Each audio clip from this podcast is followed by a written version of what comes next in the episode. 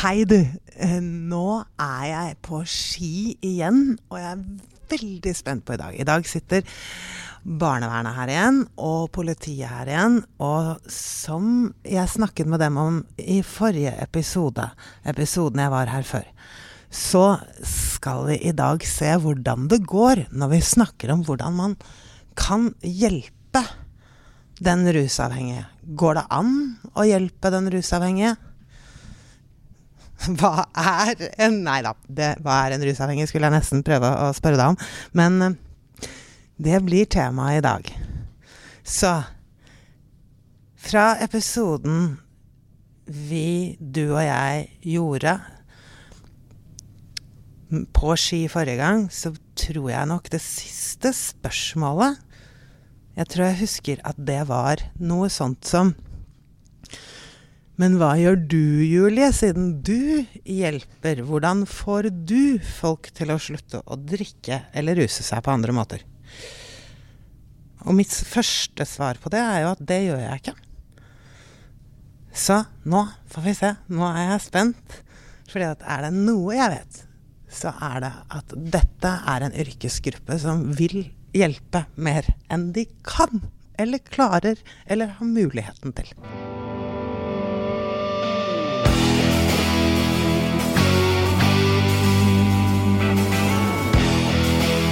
Vingeskutt, skutt, skutt.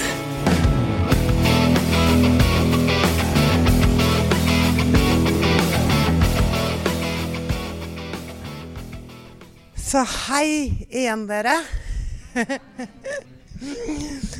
Og jeg husker at det var du som spurte meg det spørsmålet.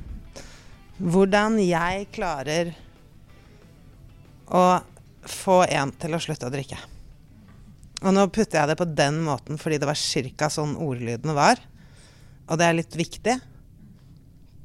Fordi at jeg kan jo ikke få noen til å slutte å drikke. I det hele tatt. Det eneste jeg kan gjøre, er å veilede noen Skal vi gå til det frustrerende ordet igjen? Allerede har fått Noen som allerede har fått nok. Hva er det nok, Julie? Den indre smerten som er Nå kommer det et spørsmål her. Ja, Sven. Ja, øh, du har sagt at øh, det er bare du som kan få deg selv til å slutte å drikke. Mm. Og så er mitt spørsmål øh, Hvilke personer er det som har hjulpet deg til å kunne ta den avgjørelsen og slutte å drikke? Eller generelt Hvordan kan du gjøre den forskjellen, eller hjelpe de du treffer, til å bli bedre i stand til å bestemme seg for å slutte å drikke, eller ta den avgjørelsen? Den avgjørelsen må jo tas selv, som, som, vi har vært inne på. Hvordan jeg kan gjøre det? Jeg kan gjøre det med eh, litt magic. Eh, fordi jeg har erfaringen selv. Rett og slett. Det er min styrke. Eh, jeg kan ikke gjøre det hvis jeg ikke har kunnskapen. Jeg må ha kunnskapen for å, for å kunne hjelpe noen ut. Det er jeg også. Eh, så den har jeg tilegnet meg rett og slett fordi jeg er interessert i temaet. Som vi gjør. Når vi er interessert i et tema, så lærer vi oss det. Ikke sant? Så eh, det er Det går på noe så enkelt som gjenkjennelse. Altså Hvis jeg kommer inn på ditt kontor, nå peker jeg på en av gjestene her, og du sier 'Hvordan går det med deg i dag, Julie?' Så setter jeg piggene ut med en gang. For hva faen har du med det å gjøre? Hvis en annen alkoholiker som er edru, sier sam de samme ordene, så kommer jeg til å fortelle hvordan det går i dag. Rett og slett. Det, gjenkjennelse og, og, det å ha samme erfaring, det skaper en helt egen tillit. Ikke sant? Det er mange som diskuterer om for eksempel, Vi skal ikke snakke om AA i dag, men det er mange som diskuterer om det funker. Det er jo helt idiotisk, i og med at det er millioner på milliarder av mennesker som har blitt edru siden 1936. Historien viser at det funker. Vi trenger ikke å diskutere det. Ikke sant? Og det som fikk meg edru i begynnelsen, var at jeg valgte å legge meg inn. Jeg trengte og, Men det, det, hadde også litt å gjøre med at jeg var 100% alenemor. Jeg trengte litt spa. Jeg trengte uh, rett og slett Trasoppklinikken har har ikke akkurat boblebad. Det er snakk om linoleum og røde murbrikker her. Men for meg som var helt alenemor, så var det et spa å bare få vært alene og vite at barna var på et sted de likte seg. Eh, som barnevernet var veldig flink til å hjelpe meg med. Eh, så på den klinikken så, så var det eh, en kombinasjon, og det er kjempeviktig. Du kan ikke bare sende folk på en klinikk fordi den har vegger og seng. Du blir ikke edru av vegger og seng. Du blir ikke edru av å gå tur eller å ligge i en gymsal og se taket. Du trenger kunnskap. Ikke sant? Så på Trasoppklinikken Det høres ut som reklame for Trasoppklinikken. Jeg håper jeg kan få betalt av dere. Kan dere sende meg en sjekk? Altså eh, eh, Så er det kombinasjonen av fag og egen erfaring som er eh, magic. Selvfølgelig så er det som er egen erfaring på Trasoppklinikken, de som jobber der, de er, har også fag. De har også utdannelse. Ikke sant? Så det er ikke sånn at man kan bare si 'ja, egen erfaring ruler'. Altså De må også vite hva de snakker om. Men du må ha egen erfaring for å kunne snakke til meg når jeg er, la oss si, enten ikke ute av det enda, eller innenfor det første året. Rett og slett. Det er et, for veldig mange som ikke har ekstra store traumer, så er det et magic år det tar å komme seg altså, gjennom alle milepælene. Gjennom jul, sommer, påske, alle disse tingene. Så setter det seg. Man har det bra lenge før det. Det har man. Mm. Hvis man som hjelper, da, og du har vært edru i noen måneder, og så kommer sommeren, og så skal vi som barnevernstjeneste da hjelpe deg så godt vi kan. Eh, hva kan være ting å huske på og passe på rundt eh, deg og barna dine da? Vi tar utgangspunkt i at jeg har vært edru nå en stund? Ja. ja. Uh, kom, det, det, blir vanskeligheten nå, ikke sant? Der kommer min kjære Jorunn inn i bildet. Fordi at det som hjelper meg da, er jo Åh, det er så dobbelt. Fordi det er jo tillit som hjelper meg da. Ikke sant? Tillit og trygghet. Altså, jeg var så heldig at eh, jeg var rimelig ærlig mot min saksbehandler, også da jeg drakk. Altså, jeg var ærlig på at jeg var alkoholiker, ikke på at jeg drakk. Men så det temaet, det var allerede åpent. Så da hun eh, Da jeg kom ut av Trasoppklinikken, da hadde hun vært der på besøk. Snakket med de som jobbet der. Hun hadde lært seg at jeg måtte gå på noen sånne der, jeg, sånne der møter. Så da jeg kom ut, så sa hun Du Julie, jeg har hørt at du må, du må, du må ha en sånn der hjemmegruppe som du liker. Eh, har du det? Ja da, hun, sa jeg. Jeg har noe sånt på mandager. Jeg tror jeg liker meg der. Ja, men, men har du barnevakt? Nei, nei, nei, men det, altså, det, ordner seg, og det mente jeg. Og jeg har jo familie. Og? Jeg kan sitte barnevakt, sa hun Jorunn. Så hun satt barnevakt i, hver mandag i kanskje, jeg husker ikke, en eller to måneder. Hadde hun sin egen agenda på det? Det er mulig. Men vi hadde et åpent, fint forhold, så det brydde meg ikke. Det tenkte jeg ikke på engang. Fordi det var ekte omsorg i det. Rett og slett. Jeg sier ikke at dere skal jobbe overtid sånn som hun gjorde. men, men, men hun Hun hadde omsorg for meg også da jeg drakk. Hun visste at jeg drakk, men hun så det aldri. så hun kunne ikke, det, det, det, Jeg kan jo ikke snakke for henne, og jeg kan ikke snakke for restriksjonene som dere ikke kan snakke høyt om. Ikke sant? Men, men det var mye hun ikke kunne gjøre. Men omsorgen var der. Og hun sa jo aldri det. Hun sa, sa, hun sa jo sa, 'Jeg bryr meg ikke om deg. Jeg bryr meg om barna'. Du kan, kan, du ikke, kan, du ikke, drikke når de blir 18, da? Og så Nei da, jeg mener ikke det. Så, men Men det var det ekte som hjalp. Hva nå enn det er, da. Ikke sant? Det ekte har jo du bare i forhold til din Hva heter det dere har? Er det klienter dere kaller oss, eller brukere, eller hva er det dere kaller oss? Familier, ja. I forhold til den voksne representanten i familien. Ikke sant? Så ja. Ja, historien din er jo veldig gjenkjennbar for oss. Eh, og brutalt nok så er jo vi interessert i at eh, foreldrene skal på en måte nå denne grunnen raskest mulig. Da. ja. Og så er det litt sånn eh, Har det at barnevernstjenesten sendte tilsyn hjem til deg, at barnevernvakta kom Altså, hva kan vi gjøre for å på en måte hjelpe til i den prosessen, da? Jeg har så innmari lyst til å si bare ingenting. Sorry, Mac. Altså, for det er sannheten på en måte. På en annen måte så i etterkant så er vel Jorunn en ekstremt stor del av edruskapet mitt. Men ikke fordi at jeg ble lagt inn på Trasov-klinikken. Ikke fordi at jeg fikk nok. Alt det fikk jeg sjæl.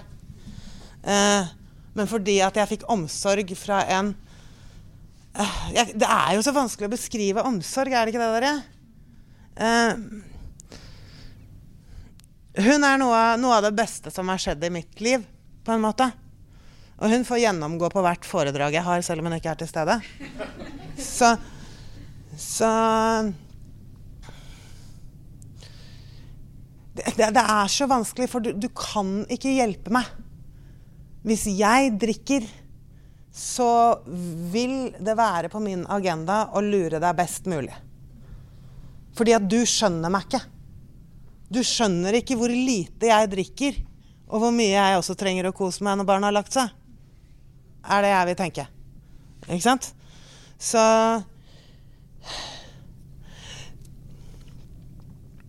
jeg har, jeg, har, jeg har, en modell til alle kommuner som ikke kommer til å funke eller noen gang gå igjennom, som vil virke. Men eh, Og den, den handler om så, så, Skal jeg si hva det er? Ja.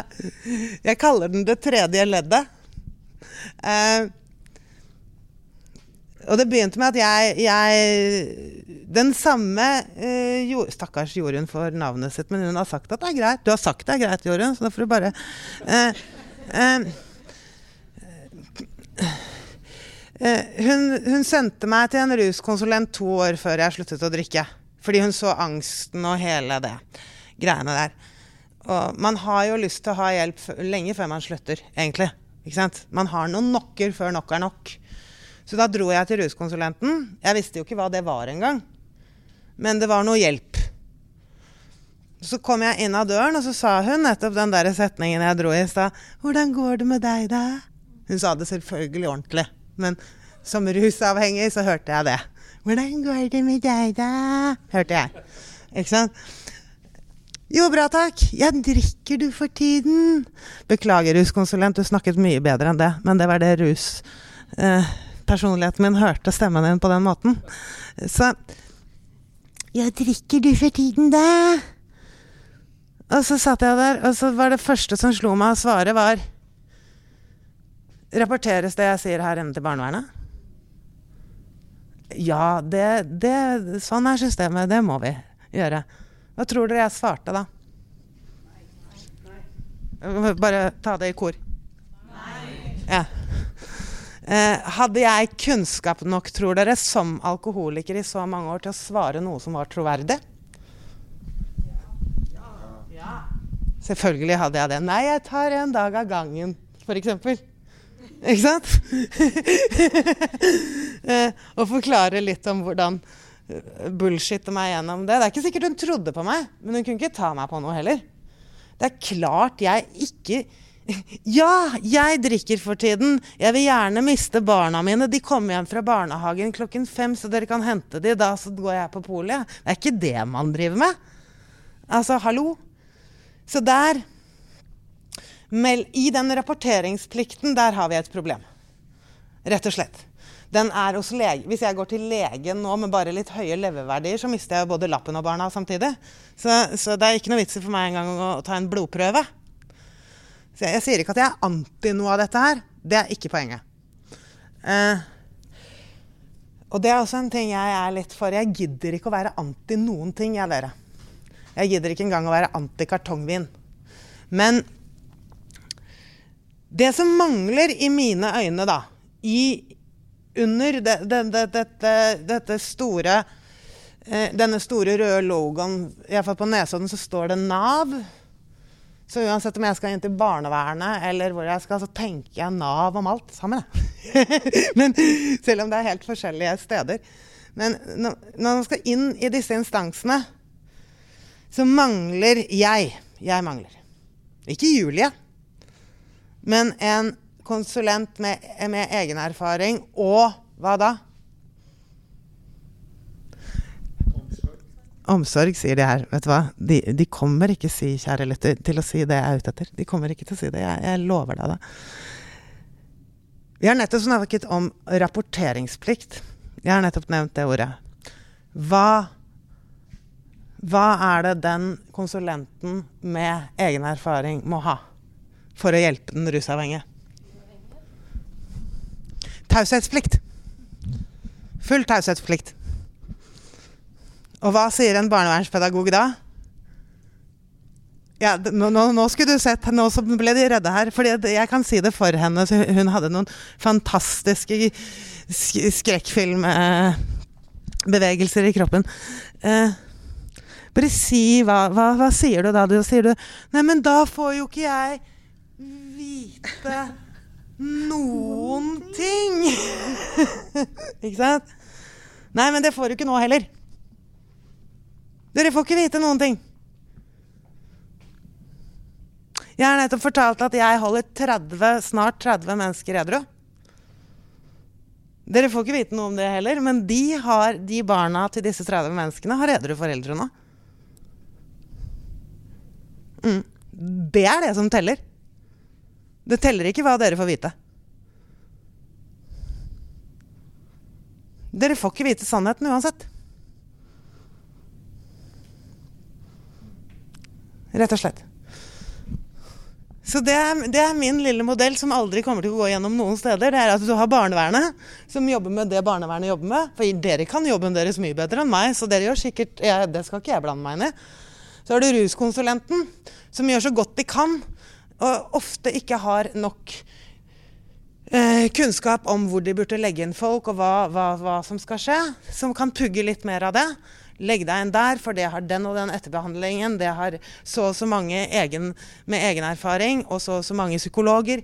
Der er det så og så mange Altså ett år med etterbehandling, der legger du deg inn. Ikke sant? Så da kan jeg bruke barnevernet til å løpe fra de mens jeg drikker. Og så kan jeg bruke ruskonsulenten til å vite, få hjelp til praktiske ting.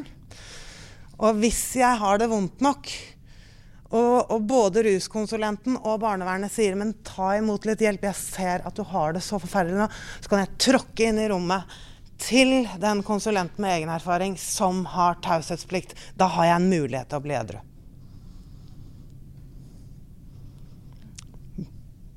Så det er egentlig svaret.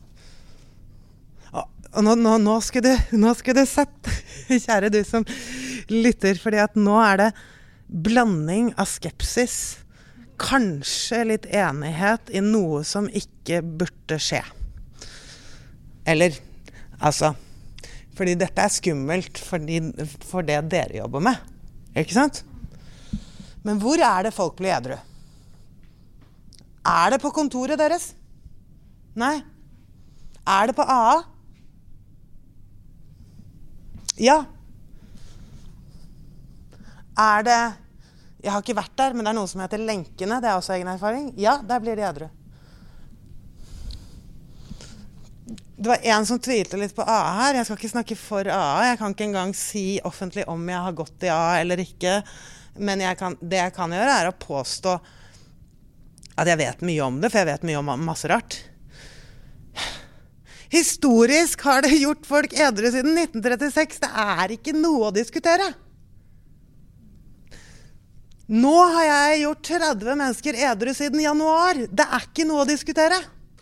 Dere har ikke gjort 30 mennesker edru siden januar.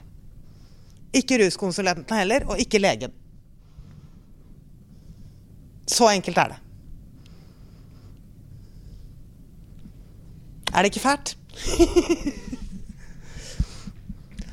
Snakker jeg mot fag nå? Overhodet ikke. Jeg er kjempe for fusjonen, og jeg syns det er kjempeviktig at hvis en med egen erfaring skal ha det som fag, så må de også ha faget selv. Tenk deg alle de sosionomene som er drita fulle. Ja, men jeg har de på innboksen. Jeg har ti barnevernspedagoger på innboksen. Drita fulle om kvelden. Jeg har lærere. Jeg har en distriktsdommer inne på kurset mitt. Har jeg nevnt kunstnere enda? Jeg har ikke det. Akademikerne kommer til meg. Så vanlig er det. Ikke sant? Og det at jeg har drita fulle barnevernspedagoger, som jeg sier, jeg sier det på den måten det er ikke, Jeg mener det ikke som ha-ha-ha. Jeg mener det er så vanlig det er. Så vanlig er det. Det er ikke 500 000 rusavhengige i Norge, det er 500 000 rusavhengige her på Ski. Ikke sant? Å oh, ja!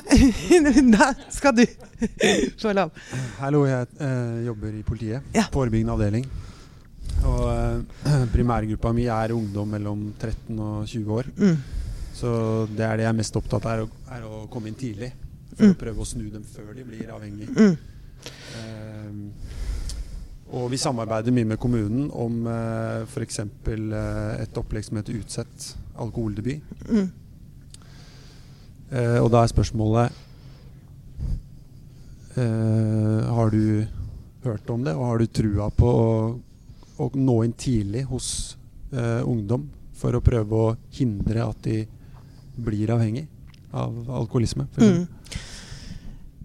Der er jeg like forvirret som dere er. Det er et like stort spørsmål som hele rusproblematikken. For altså, du kan dra inn eh, De fleste av oss er jo genetisk belastet, da. Eh, Altså, det, er mange, det er jo noen som ruser på seg avhengighet, men det er jo også igjen minoriteten. Jeg har ikke noe svar på det. Det i- Vi må ikke stoppe forebygging. Vi må ikke stoppe å gå inn når folk er unge.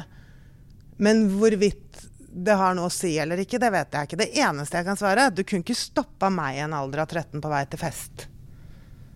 Ikke til neste fest heller. Men det er ikke det samme som at vi ikke må ha informasjonen ut. Ikke sant? Men hvordan, hvordan opplever du det selv? Det jeg opplever er veldig viktig i det forebyggende arbeidet når det gjelder rus, det er at uh, stabile voksenpersoner er til stede uh, i de unges hverdag. At vi er på disse festene, uh, vi er på disse strendene, vi er i, på disse skolene, vi er i skolegården, vi er på klubbene. Vi, ikke, ikke bare for å, ikke, ikke for å ta folk, men for å vise at vi bryr oss, og for å være gode rollemodeller for eh, alle disse barna som eh, kanskje ikke har de beste rollemodellene hjemme. Ja, det, det, høres, eh, det høres kjempefint ut. Å være der for driver jeg også med. Uh, å være en myk pute. Men når du er på stranden Nå skal jeg bare sette meg tilbake og være 16.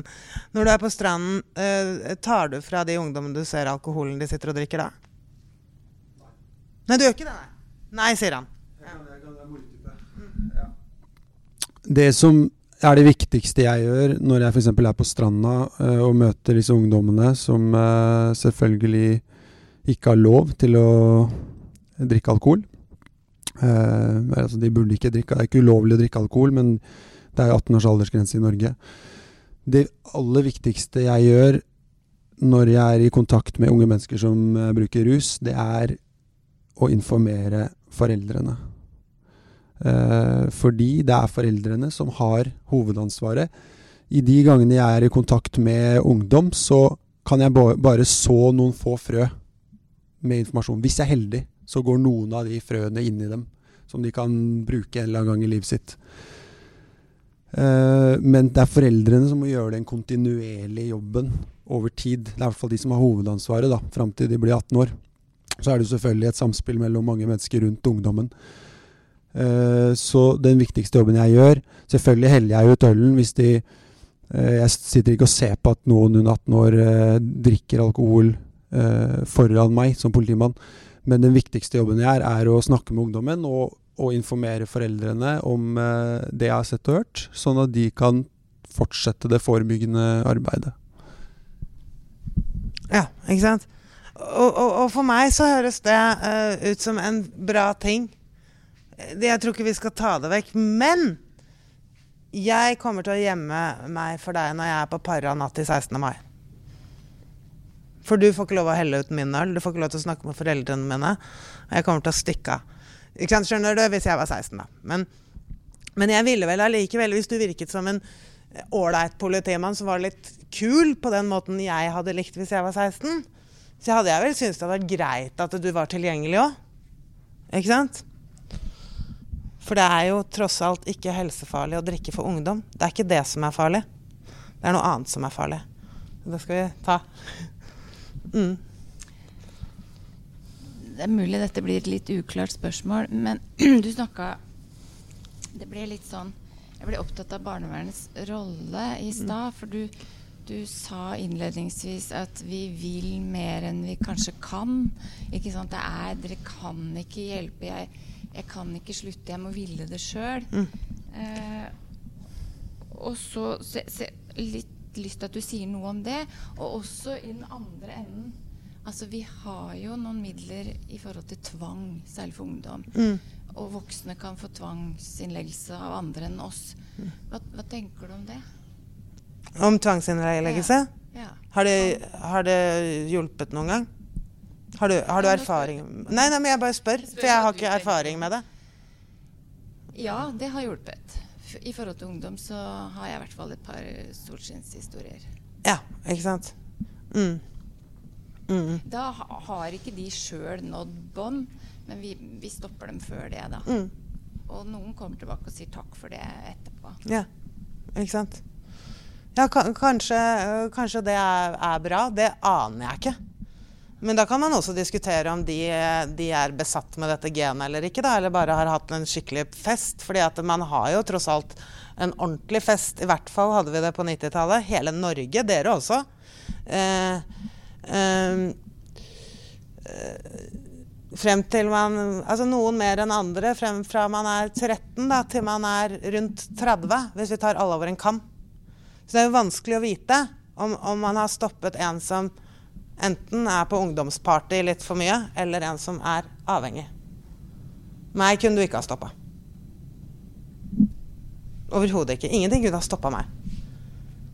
Uh, og, og, og, det svaret, det uh, har jeg i, i, ryggen av en annen avhengig edru person også, som ville stått her.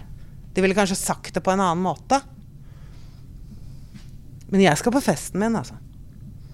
Så, så, så, så det, det, vi snakker om nå, er et utrolig nesten betent tema. For det, det er jo ikke sånn at man må ta bort noe av det, det dere snakker om her i det hele tatt. Men hvorvidt det hjelper en som er genetisk belastet med avhengighet, det vet jeg ikke. Ingen skal få meg til å slutte å røyke i dag, i hvert fall. Det er helt sikkert. Jeg skal ta en røyk etterpå. Uansett om legen ringer og sier at jeg har kols i dag. Hva? Jeg er litt nysgjerrig på ulike typer alkoholisme. For det er noen som snakker om eh, periodedrikking bl.a. Og da er det også vanskelig for oss som tjeneste, da, som barnevernstjeneste, å vite hva er hva. Jeg vil bare svare på det eh, med å takke den personen i verden som først fant opp ordet periodedranker. Det ordet tror jeg må komme fra en pårørende som håper, f.eks. Men tusen takk til deg. Det er mange år siden du fant opp. Men det gir meg lov til å drikke meg drita så mye jeg vil i tre uker i strekk. Er det noen av dere her som har Jeg la merke til eh, da vi kom inn at det var ikke så mange som sto og røyket. Er det noen av dere som har røyket noen gang? Ja, såpass mange at jeg kan bruke det som eksempel. Mm, eller har andre drifter. Sjokolade. Eh, et eller annet. Eh, jeg kan sette meg på flyet til Florida uten å ta en røyk. Det tar elleve timer. Eh, det som er mest irriterende da, det er jo å vente på bagasjen. For det hadde jeg ikke regna med. ikke sant? Så da er det atter en halvtime eller time før jeg får en røyk igjen. Så på den flyturen så røyker jeg ikke. La oss si at jeg ikke har sånn plaster og sånn, for det er jeg for vimsete til å skaffe meg plaster eller tyggis og alt det der. Så jeg sitter på flyet og roer meg ned gang på gang på gang på gang fordi jeg har lyst på en røyk. Og så får jeg litt pauser i løpet av noen av de timene hvor jeg glemmer at jeg har lyst på en røyk. Og så tenker jeg i hvert fall at når jeg lander, så kan jeg få den røyken. Og så kommer bagasjen i veien, og så blir jeg kjempeirritert, og så til slutt så får jeg røyken. Det er periodedranker. Ikke sant? Kall det tørrfylla, da. Altså Ruspersonligheten vår den settes i gang idet vi tar den første ølen i livet. Selv om det er et halvt år til neste gang, ett år til neste gang, så har vi oppdaget noe vi liker. Ikke sant? Og så er det, er det progressivt gjennom hele livet. Og hvem tar seg ikke en hvit måned av det? Altså, alle slutter. Til og med de som ikke er periodedrankere. Han som eh, Min assosiasjon er Frognerparken fra jeg var liten. Han som satt der og drakk rødsprit. Han har også sluttet mange ganger. Slutte kan alle. Ikke sant? Og de gjør det. Hvis jeg skal ta meg en hvit januar, er det sånn at verden stopper 31. januar da, eller kommer februar? Ikke sant? Skal du slanke deg, så fins det fins en hamburger i din fremtid. Hvis du vil ha den. Så eh, det fins ikke periodedrankere. Det gjør ikke det. Det er en utrolig fin hvilepute for en del mennesker som drikker. Det er det. Da kan de både være fornuftige noen uker, og så kan de ta seg skikkelig på fylla fordi de har sagt til hele familien at de er periodedrankere, så da skjønner jo alle det. Det er slitsomt, men de skjønner det. Mm. Hjernen fungerer likt med og uten. Det er hjernen vi ruser oss med, ikke kroppen. Kroppen har bare symptomer Jeg ruser meg ikke fordi jeg skjelver. Det er mulig jeg gjør det etter 30 år, at jeg må ta en ekstra drink for å slippe å skjelve, men det var, det, det var, ikke sånn det begynte. Så vi begynner av én grunn, fortsetter av en annen. Og det samme er det med å stoppe. Alle kan stoppe. Og alle gjør det. Mm.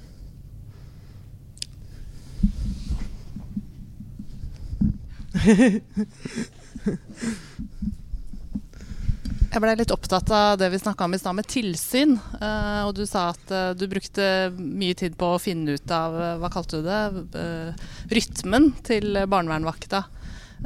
og tilsyn er jo et tiltak som vi i barnevernstjenesten også ofte diskuterer. I dine øyne, har det noe for seg? Tilsyn i hvilken form da? Bare for å forklare litt. Ja, for Uanmeldt tilsyn f.eks. Nå vet ikke jeg hvorfor de var hjemme hos deg, men jeg ville tippe at de var på noe uanmeldt tilsyn for å se om du var edru. Ja, ja. Mm. Uh, har det noe for seg? For det hørtes ut som du hadde jo ganske mange strategier for å finne ut når de kom og ikke kom. I min historie da, så satte tilsynet inn etter at jeg hadde sagt ja til å legge meg inn. Og da barnevernet visste at det var seks uker med dato og alt. Ikke sant? Så det var ikke noe tilsyn før det. Nei.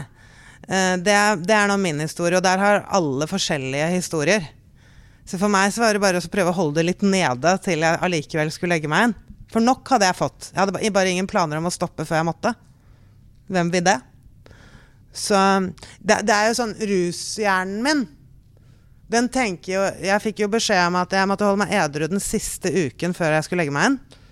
Fikk jeg beskjed av Trasoppklinikken om. For hvis ikke jeg gjorde det, så måtte jeg ha en uke ekstra med avrusning. Og i og med at uh, jeg var alene med barna, så betyd, det betydde noe for meg når jeg likevel skulle stoppe, at jeg ikke ville gi dem en ekstra uke uten meg. Så den, den virka. Etter fe, seks Nei, hva er det? Fem og et halvt års edruskap, så er jeg fremdeles irritert på at jeg ikke tillot meg å være drita den uken, ass. Gi deg! Jeg er fremdeles irritert på at jeg ikke har vært russ. Altså, så det ligger jo sånne ting i hjernen. Men hva tilsynet hjelper Altså, dere hadde Hvis dere hadde kunnet stoppe oss i å ruse, så hadde dere jo hatt Altså Da hadde jobben deres hatt en annen beskrivelse, på en måte. Altså det uh, jeg vet ikke. Hva, du som er barnevernsvakt, hvordan opplever du det? Nei, for, nå, for det, det, er jo noe av det vi lurer på, det som jeg prøvde å spørre om litt i stad. Altså, de midlene vi rår over da, som, som mm. barnevern, mm. Ikke sant. For vi, jo, vi, vi, må jo prøve å gjøre noe. Mm. Og vi tenker jo på en måte å, å stoppe den genetiske arven som du snakker mm. om. Ingen kan stoppe meg, for jeg er genetisk.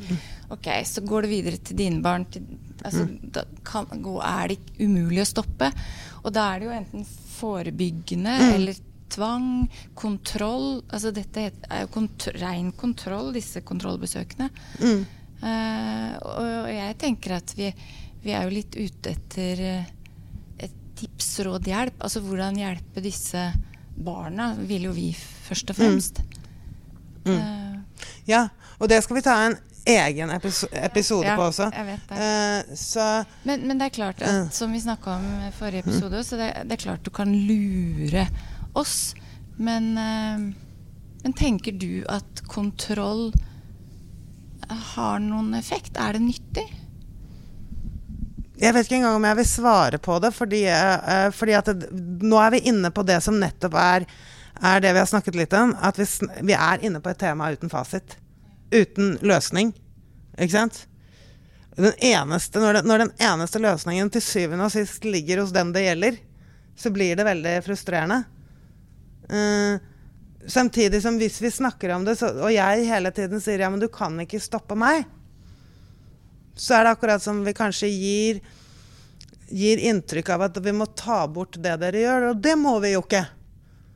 Vi vet jo så mye vi vet om rus fordi det fins forskere, fordi IOGT jobber, fordi dere er der, ikke sant, også. Men, men at Det som skjedde med meg da Jorunn kom og sa 'nå tar jeg barna dine, eller så, eller så legger du deg inn', det var at hun ga meg et spark bak i et nok. Ikke sant? Jeg hadde nok. Hun kom. Og da kaller jeg det ofte, fordi jeg er skuespiller, så kaller jeg det ofte riktig tid og riktig sted. Akkurat som når man får en stor filmrolle.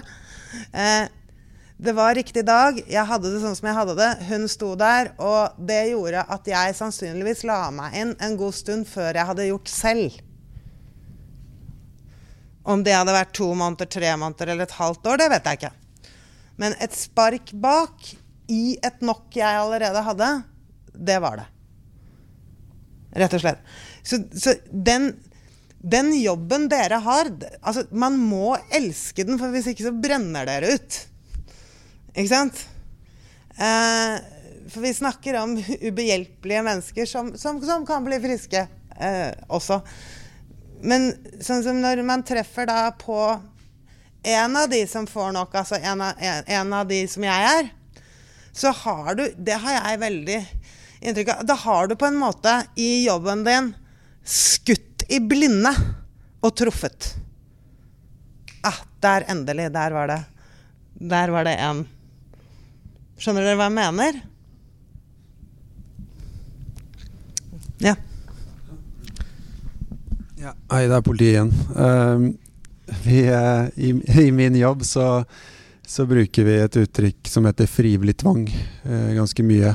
et eksempel på det er når vi tar inn ungdom for bruk av f.eks. røyking av hasj, så får personen påtaleunnlatelse med vilkår om ruskontrakt.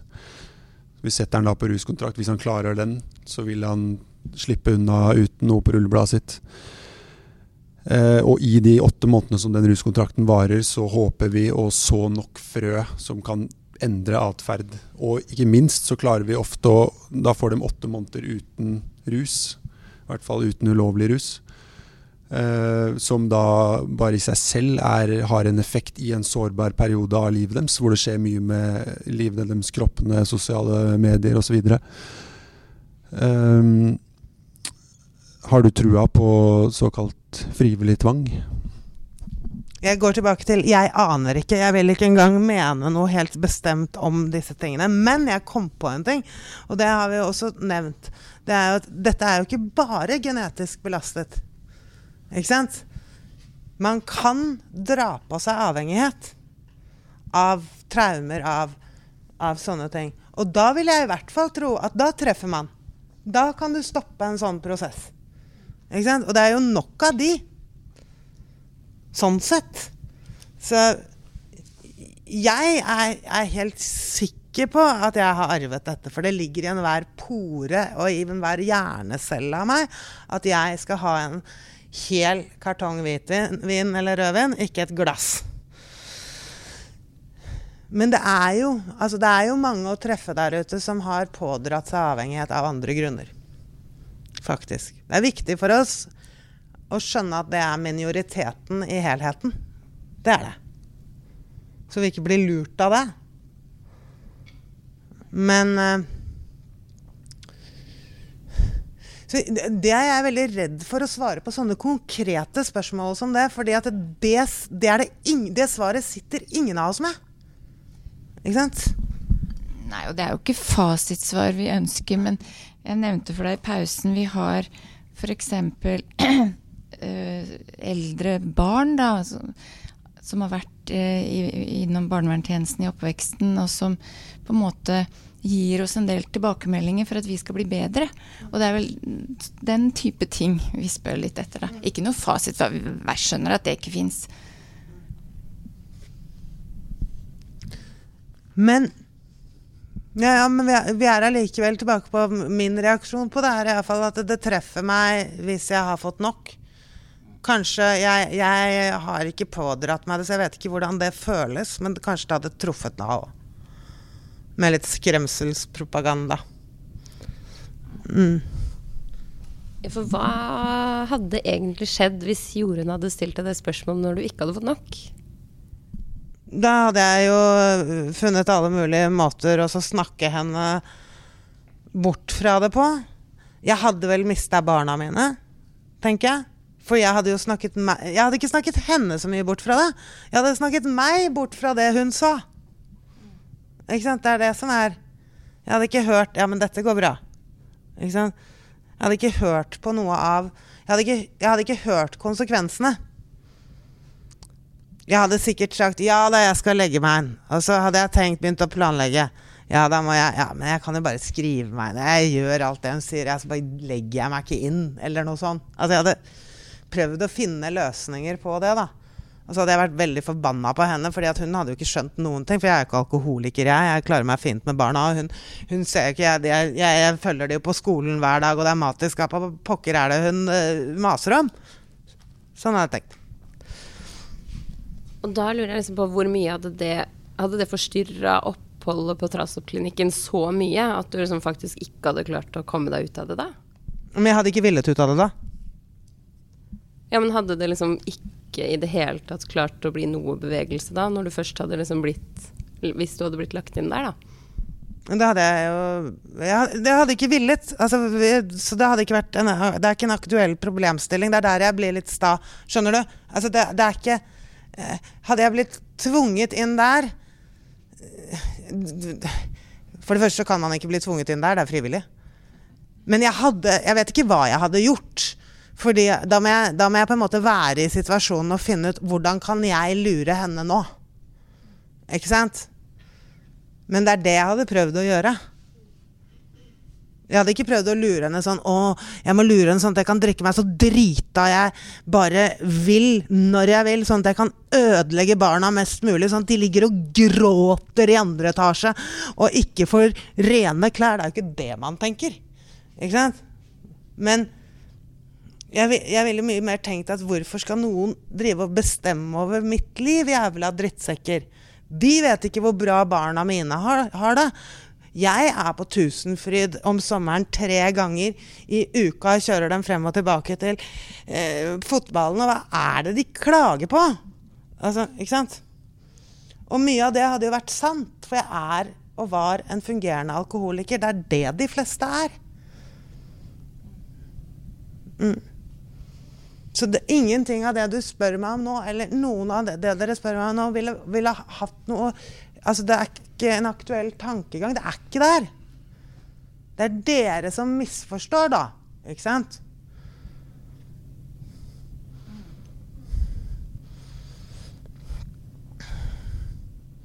Jeg, i utgangspunktet, Hvis vi tar bort avhengigheten og hvor mye jeg drikker når jeg drikker, så drikker jeg av de samme grunnene som dere.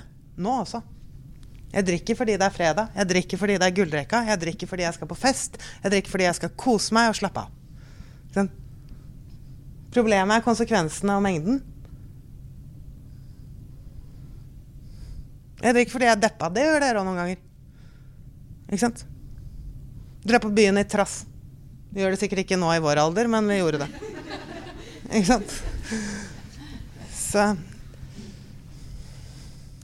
Og det ville jeg holdt på i en sånn situasjon.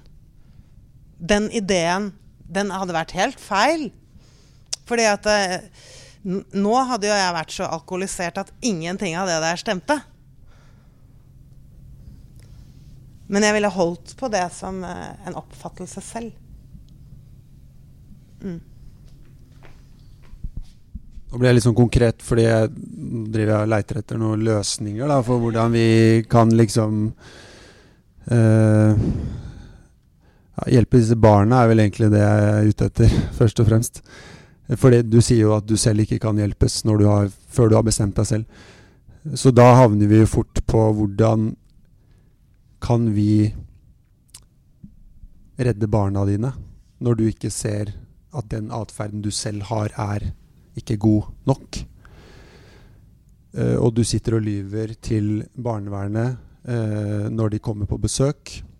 Du prøver å finne smutthull, hvordan komme deg unna. Eh, du kommer med løgner som du selv tror på.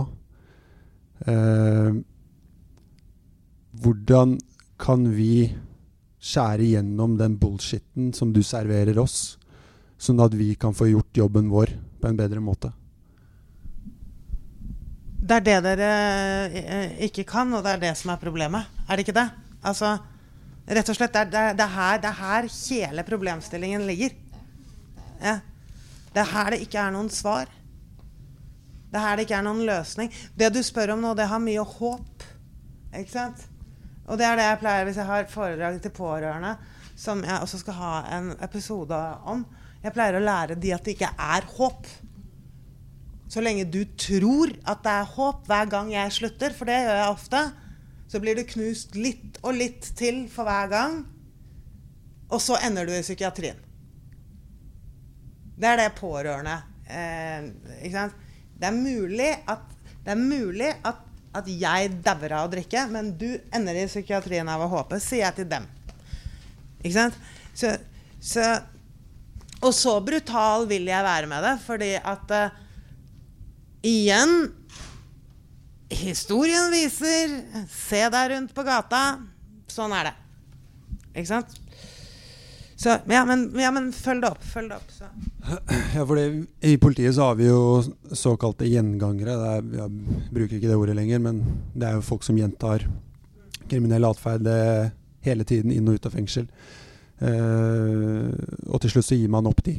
Eh, men det man tenker på da, er hvordan kan jeg beskytte de rundt dem? Barna deres, eh, samfunnet, alle som ferdes rundt dem i hverdagen.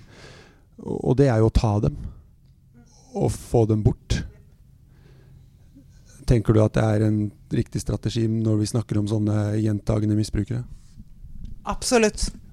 Bare kriminalitet i seg selv er jo en egen avhengighet, for den saks skyld. Men, men øh, øh, Absolutt. Og da er vi inne i et annet dilemma igjen, som vi, som vi må ha en egen episode på. Og det er den løsningen Altså det er så tragisk at vi egentlig vet Altså, jeg vet jo at da jeg var aktiv, så sa, så sa um, så sa barnevernet til meg at hvis det blir fosterhjem til slutt, så må du skjønne at det er den beste løsningen. Og da jeg begynte å diskutere ja, men hvor bra er fosterhjemmet, så, så stopper jo diskusjonen der. For vi vet jo alle at det er ikke alle fosterhjem som er bra heller.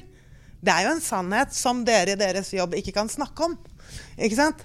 Vi, vi, vi, trenger ikke å snakke om det heller. Men, men det er så Det du er inne på nå, det er så, det er så vondt tema. Ikke sant?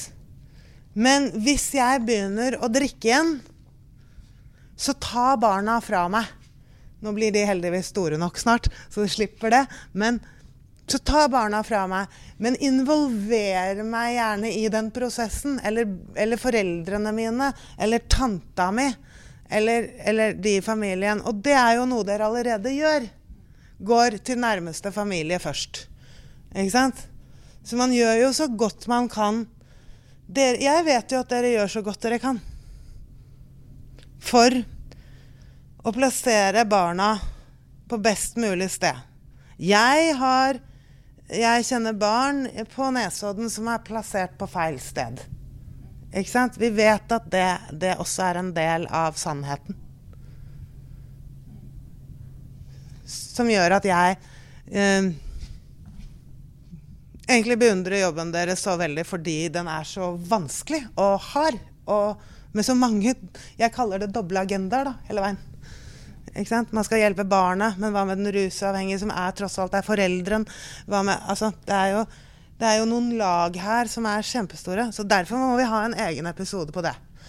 Uh, og så tenker jeg bare å avslutte det, uh, med, med det jeg har lovet, som er hva jeg gjør med mine egne barn. Ikke sant? Uh, de skal også få sin egen episode. uh, men i hvert fall jeg, jeg, droppet det litt i midten her uh, i dag. At rus i seg selv Og da, nå snakker jeg ikke om heroin, for da blir, blir det et annet bilde. Men rus i seg selv er ikke helseskadelig for en ungdom. Du får ikke skrumplever av å gå på fest. Sorry, Mac. Dere kan si hva dere vil, men sånn er det. det, kan, det vi kan krangle litt om det og si ja, men man mister jo en hjernecelle eller to mer. Ja vel, vi sitter her og mister hjerneceller nå. Så det som er farlig, og det syns jeg er kjempeviktig å forstå, fordi at det, i rus så eksisterer det ikke moral. Moral kommer ikke inn i bildet. Et, vi trenger ikke å ta rus engang. Når folk har en vilje til å gjøre et eller annet, så kommer ikke moral inn i bildet. Viljen går fremover. Så når det er rus, hva er det som er farlig med rus for ungdom? Konsekvensene av hva som skjer i rus, er farlig med rus for ungdom. Konsekvensene av hva man kan gjøre i fylla. Du kan bli voldtatt. Ikke sant? Bråk. Slåsskamper. Og så har vi alle de sexkonsekvensene. Ikke sant? Jenter på 16 år som er pressa opp et hjørne og gir seg hen til grusomme ting. Eh, det, er, det er det som er farlig. Og det føler jeg at det er veldig mange foreldre for eksempel, som sier at de forstår, men handlingene deres viser ikke at de forstår det. Og handlingene er ofte avstraffelse. Fy, du drakk. Fy, nå må du være hjemme. Du får ikke dra dit og dit. Får Nå skal vi ha uh, husarrest, eller hva det nå er for noe. Så jeg tar ut, og jeg sier ikke at dette her er riktig i det hele tatt. For når vi snakker om oppdragelse og barn, så er vi inne på et minefelt hvor alle er uenige. Det kan vi være enige om. Så det jeg sier nå, er ikke riktig. Det er bare min versjon. Og jeg begynte å oppdra barna på den måten lenge før jeg sluttet å drikke. Med rus i tankene. Da de var veldig små, og vi gikk tur med hunden, og sånne ting, så sa jeg til dem Jeg begynte på sånne samtaler. Hundeturer er fine for samtaler. Eh, jeg begynte å lære dem at de aldri kom til å få kjeft for rampestreker, som jeg kalte det da. Ja men, ja, men det er ikke lov å gjøre noe galt. Jo, men ring på stykka, stjel i butikken, gjør hva du vil. Altså, du får ikke lov, men du får heller ikke kjeft. Hva skjer, hva skjer, når vi får kjeft? Hva, hva skjer hvis vi, hvis, vi, hvis vi, ser at vi får kjeft? Hvis, hvis, du drar hjem til partneren din og sier noe du vet det blir bråk av, hva gjør du da? Kan du si det en gang til? Lyver og unngår å fortelle om det. Yes, yes vi lyver og unngår å fortelle om det. Uh, så eh, da, da, de ble litt Dette her skjedde kanskje da de var sånn seks-åtte på den tiden der. At jeg begynte med det. Eh, politiet her igjen. Eh, jeg må bare få komme med noen uh, kjappe kommentarer. Det må dere gjerne klippe bort etterpå. Men for det første er jeg ikke enig i at det kun er det du gjør når du er rusa som er skadelig. Jeg mener det er ting som kan skade deg bare ved å innta rusmidler. Det skal jeg ikke gå Det kan vi prate om en annen gang. Um, uh, så vil jeg si at jeg er helt enig med deg i det at det å skape en, uh, et miljø i hjemmet som, uh, om åpenhet, og at man kommuniserer, få barnet til å komme med informasjon, det er helt essensielt for å rett og slett få den informasjonen som er viktig, da, og, og, skape god, ja, et godt miljø hjemme. Derimot så mener jeg også at konsekvenser er en del av pakka som er viktig. Eh, fordi jeg tenker at det går an å gjøre begge deler. At man kan skape en kultur i hjemmet hvor det er åpenhet. Jeg kommer ikke til å kutte, kutte av deg hånda, eh, men du skal få kjenne på at det du har gjort, ikke er greit. Fordi ja, jeg skjønner deg kanskje at ditt hovedfokus var å ikke få rusavhengig, et rusavhengig barn. Men det er jo like viktig å ikke få et barn som blir kleptoman, da, for å si det sånn. Uh, og, og, så er det jo på en måte ikke opp til oss selv i samfunnet å uh, fortelle barnet hva som er uh, Altså, disse reglene her borte, de kan du bare blåse i. Naskeri, det er greit. Det er rampestreker. Mens det med rus, der må du høre på meg. Det er farlig. Eh, du er med på å tøye grensene for barnet, som gjør at barnet blir litt i villrede om hva som er Ok, så det, dette er greit, men disse reglene her borte, de, de med, der må jeg høre på deg. Samtidig som den dobbeltmoralen du selv har, da, i at du kan lesse på, mens jeg, meg prøver du å holde borte fra det. Hvorfor skal jeg høre på deg i det hele tatt? Ja. Eh, bare for å svare kort på det før vi avslutter. Der er jo jeg helt uenig med deg. fordi jeg gjør jo alt det du sier. De får jo ikke lov til noe av dette her. Det, det er ikke sånn at mine barn får alkohol. Eh, eller får lov til å drikke. Det jeg snakker om, er at så lenge jeg gir dem kjeft, så kommer ikke jeg til å få informasjonen. Så lenge jeg som voksen vet at jeg, hvis jeg sier dette her eller dette her til kjæresten min når jeg kommer hjem, så begynner han å bråke. Så sier jeg ikke det til kjæresten min når jeg kommer hjem. Selvfølgelig gjør vi det også. Min, det, det jeg snakket om nå, det har ingenting med regler å gjøre. Det har heller ingenting med å ta bort regler å gjøre. Ikke sant? For meg så er det jeg vet at hvis jeg gir barna mine konsekvenser, eller vennene deres, så får jeg ikke informasjonen. Rett og slett. Og så, vet, og så, og så har jeg også erfaring med at fordi jeg gjør det på den måten, så får jeg såpass mye informasjon at jeg allerede nå har kunnet hjelpe. Ikke sant? Så, men, men, men jeg er enig med deg og uenig. Altså, jeg gir ikke de noen tøyler som andre ikke har. De har ikke lov til noe mer enn andre. Ikke sant? Det er ikke lov å drikke før du er 18. Jeg går ikke på polet for det. Ikke sant? Men at de skal tørre å ringe hjem i den grøfta, det er det viktigste for meg. OK. Takk til dere, og takk til deg i dag.